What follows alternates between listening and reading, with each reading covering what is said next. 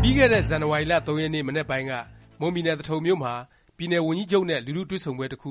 ပြုလုပ်ခဲ့ပါတယ်။အဲဒီ တွေ့ဆုံပွဲမှာ ပြည်သူတစ်ယောက်က ကုန်ဈေးနှုန်း ကြီးမြင့်နေမှုနဲ့ ပတ်သက်ပြီး ပြည်နယ် ဝန်ကြီးချုပ် ဒေါက်တာအေးဇံကို မေးခွန်းတစ်ခု မေးမြန်းပါတယ်။ဝန်ကြီးချုပ် ပြန်ဖြေလိုက်တဲ့ စကားကတော့ အင်တာနက် လူမှုကွန်ရက် စာမျက်နှာတွေမှာ ပျံ့နှံ့သွားပြီး အတော်လေး ဝေဖန်တာ ခံလိုက်ရပါတယ်။သူပြောလိုက်တာက ကုန်ဈေးနှုန်းကို ကျချင်တယ်ဆိုရင် ဟင်းကို တစ်မယ်ပဲစား၊ဟင်းတစ်မယ်ပဲစား တော်ပြီ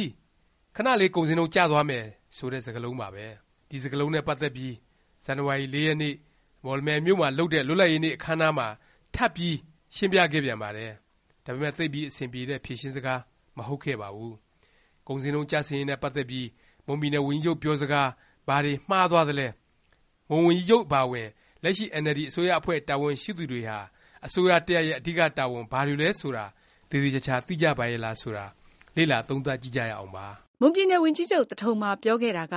ကုန်ဈေးနှုန်း ကျစေချင်ရင် ထမင်းကို တစ်နက်ပဲစား၊အလှူတွေမှာ ကျွေးတာမွေးတာတွေကလည်း များလွန်းတယ်။ဒါကို လျော့ချကြ၊အဓိကအားဖြင့် ခြိုးခြံချွေတာကြ ဆိုတဲ့ သဘောမျိုး ပြောတာ ဖြစ်ပါတယ်။ဒါမျိုး အမျိုးသားခေါင်းဆောင် ဗိုလ်ချုပ်အောင်ဆန်းကလည်း သူမကျဆုံးခင် အချိန်တုန်းက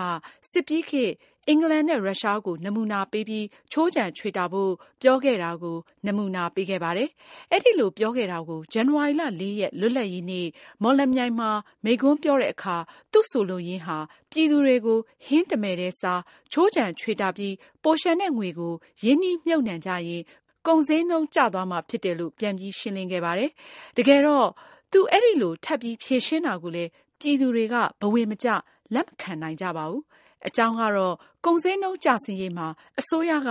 ဘာတာဝန်မှ မရှိတဲ့သဘော၊ပြည်သူတွေက ခြိုးခြံချွေတာလိုက်ရင်ပဲ ကုန်ဈေးနှုန်းကျသွားနိုင်တဲ့သဘော ပြောခဲ့လို့ပါပဲ။မွန်ပြည်နယ် ဝန်ကြီးချုပ်ပြောစကားနဲ့ အတိအကျ မတူပေမယ့် ခပ်ဆင်ဆင်စကားမျိုး ပြောခဲ့ဖူးသူ နောက်တစ်ယောက်ကတော့ ပြည်ထောင်စုအစိုးရ စီမံဘဏ္ဍာ ဒုဝန်ကြီး ဦးအောင်ထူးပါ။သူက ကုန်ဈေးနှုန်းတက်ရတာနဲ့ ပတ်သက်ပြီး ပြည်သူတွေဟာ အစိုးရကိုပဲ အပြစ်တင်နေတာ၊အကျင့်ပါနေတဲ့အကြောင်း၊ ဒါဟာ Mindset မပြောင်းနိုင်ကြလို့ဖြစ်တဲ့အကြောင်း၊ဈေးကွက်စီးပွားရေးစနစ်မှာ ဈေးကွက်ကိုလွှမ်းမိုးထားတာ အစိုးရမဟုတ်တဲ့အကြောင်း၊ဝယ်လိုအားနဲ့ ရောင်းလိုအားလို့ခေါ်တဲ့ ဈေးကွက်အင်အားစုတွေပဲ ဖြစ်တဲ့အကြောင်း ပြောဆိုထားလို့ပါပဲ။သူပြောတာတွေ အမှန်ပဲလား၊ကုန်ဈေးနှုန်း ကြီးမြင့်ရခြင်း ပြသနာမှာ အစိုးရက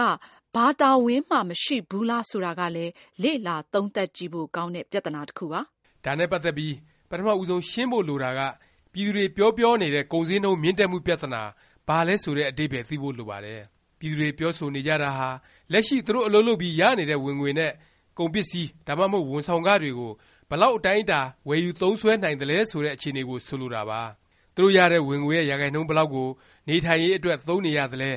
သူတို့ ဝင်ငွေရဲ့ ရာခိုင်နှုန်း ဘယ်လောက်ကို အသက်ရှင်ရုံ အဆင့် စားသောက်ရေးမှာ သုံးနေရသလဲ၊သူတို့ ဝင်ငွေနဲ့ ဘယ်လို ကုန်ပစ္စည်း ဘယ်လောက် ဝယ်နိုင်သလဲ အဲလို အခြေအနေကို ဆိုလိုတာပါ။ ပြောရရင်ရတဲ့ဝင်ငွေနဲ့ဘာမှလောက်လောက်လားလားအသုံးမပြုနိုင်မဝယ်နိုင်မချနိုင်ဖြစ်နေတာပါ။ဒါကိုပြည်သူတွေကသူတို့ဝင်ငွေတွေကတော့တိုးတက်မလာဘူး။အခြားတစ်ဖက်မှာတော့ဝယ်ယူစားသုံးရတဲ့ကုန်ပစ္စည်းတွေရဲ့ဈေးနှုန်းတွေကတော့မြင့်တက်လာတယ်ဆိုပြီးကုန်ဈေးနှုန်းမြင့်တက်လာတယ်ဆိုတဲ့အသုံးနှုန်းကိုအလွယ်တကူသုံးနှုန်းနေကြတာဖြစ်ပါတယ်။ဒါကိုအစိုးရအဖွဲ့တာဝန်ရှိသူတွေနားလည်ဖို့လိုအပ်ပါတယ် တကယ်တော့ ကုန်ဈေးနှုန်းတက်ခြင်း ကျခြင်းဟာ ရောင်းလိုအားနဲ့ ဝယ်လိုအားကြောင့် ဖြစ်ရတယ်ဆိုပြီး လွယ်လွယ်ပြောလို့ရတာမျိုးတော့ မဟုတ်ပါဘူး။ကုန်ဈေးနှုန်း ဒါမှမဟုတ် ဝန်ဆောင်ခ ဈေးနှုန်းသတ်မှတ်မှုတွေမှာ အစိုးရက ကောက်ခံတဲ့ အခွန်အခဈေးနှုန်း၊ကုန်ပစ္စည်းထုတ်လုပ်မှု ကုန်ကျစားရိတ်၊သယ်ယူပို့ဆောင်ရေးစားရိတ်၊ကုန်ပစ္စည်းဖြန့်ဖြူးပုံစနစ်၊မြန်မာကျပ်ငွေတန်ဘိုး အနိမ့်အမြင့် အစရှိတဲ့ အချက်ပေါင်းများစွာ ပါဝင်နေပြီး အဲဒီ အချက်အများစုဟာလည်း အစိုးရရဲ့ စီမံခန့်ခွဲမှုနဲ့ တိုက်ရိုက် ပတ်သက်နေလို့ပါပဲ။ဥပမာအားဖြင့် အရင် စစ်အာဏာရှင်တွေခေတ်က ပြည်တွင်းမှာ မော်ဒယ်မြင့် ကားတစ်စီး ကျပ်သိန်းသုံးထောင်ဝန်းကျင်၊ မိုဘိုင်းဖုန်းဆင်းကဒ်တစ်ခုကျပ်သိန်းလေးဆယ်ကျော်အမှန်တကယ်ဖြစ်ခဲ့ဖူးပါတယ်။ဒါဟာရောင်းလိုအားဝယ်လိုအားကြောင့်ဖြစ်ရတယ်ဆိုရင်အတော်လေးကိုမှားယွင်းတဲ့သုံးသပ်ချက်ဖြစ်ပါလိမ့်မယ်။နောက်ပိုင်းကားတင်သွင်းခွင့်ကိုအစိုးရကဖြေလျှော့ပေးလိုက်တဲ့အခါမိုဘိုင်းဆက်သွယ်ရေးလုပ်ငန်းနိုင်ငံတကာပုဂ္ဂလိကကုမ္ပဏီတွေကိုလုပ်ကိုင်ခွင့်ပြုပြီးလွတ်လပ်စွာပြိုင်ဆိုင်ခွင့်ပြုလိုက်တဲ့အခါကားဈေးနှုန်းတွေကျ၊ မိုဘိုင်းဖုန်းဆင်းကဒ်တစ်ခုကျပ်၁၅၀၀ဝန်းကျင်တစ်နည်းအားဖြင့်တစ်ဒေါ်လာကျော်ကျော်ဈေးနှုန်းအထိကျဆင်းသွားတာတွေ့နိုင်ပါတယ်။ဒါဟာအစိုးရရဲ့စီမံခန့်ခွဲမှုကြောင့်ဈေးနှုန်းကျဆင်းသွားရတယ်ဆိုတဲ့နမူနာကောင်းပါအလားတူပဲရှမ်းပြည်နယ်အောင်ပန်းဘက်ကဂေါ်ဖီထုပ်တွေရန်ကုန်ရောက်တဲ့အခါဘာကြောင့်ဈေးနှုန်းအဆမတန်ကြီးမြင့်သွားရသလဲ၊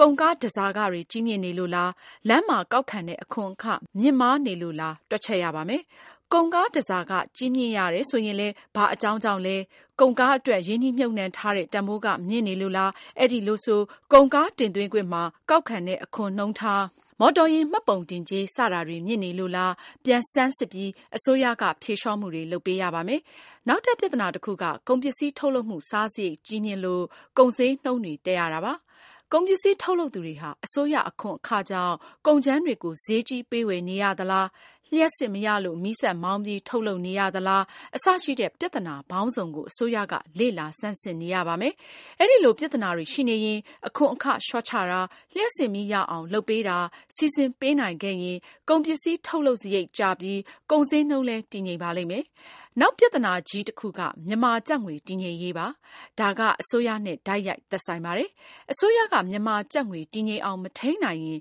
ကျပ်ငွေတန်ဘိုးကျ၊ဒေါ်လာအပါအဝင် နိုင်ငံခြားငွေတန်ဘိုးတက်ပြီး ကုန်ကြမ်းပစ္စည်း ဈေးနှုန်းတက်တာ၊သွင်းကုန်အနေနဲ့ သွင်းလာတဲ့ ကုန်ပစ္စည်းတွေရဲ့ ဈေးနှုန်းတက်တာ ရင်ဆိုင်ရမှာဖြစ်ပြီး အထွေထွေ ကုန်ဈေးနှုန်းလည်း တက်လာမှာပါ။ခြုံငုံပြောရရင် ကုန်ဈေးနှုန်းတည်ငြိမ်ရေးမှာ အစိုးရရဲ့ စီမံခန့်ခွဲနိုင်မှုအရည်အချင်းအပေါ် အများကြီးမူတည်နေတယ် ဆိုတာပါ။ဒါကို အစိုးရ တာဝန်ရှိသူတွေက ကုန်ဈေးနှုန်းတက်တယ်ဆိုတာ အစိုးရနဲ့ မဆိုင်ဘူးလို့ လွဲလွဲမှားမှား လက်ခံယုံကြည်နေတယ် ဆိုရင်တော့ တိုင်းပြည် စီးပွားရေး ဖွံ့ဖြိုးတိုးတက်လာအောင်၊ပြည်သူတွေ စားဝတ်နေရေးနဲ့ ဘ၀ အဆင်ပြေလာအောင် အောင်အောင်မြင်မြင် အကောင်အထည် ဖော်ပေးနိုင်မှာ မဟုတ်ပါကြောင်း သုံးသပ်တင်ပြလိုက်ရပါတယ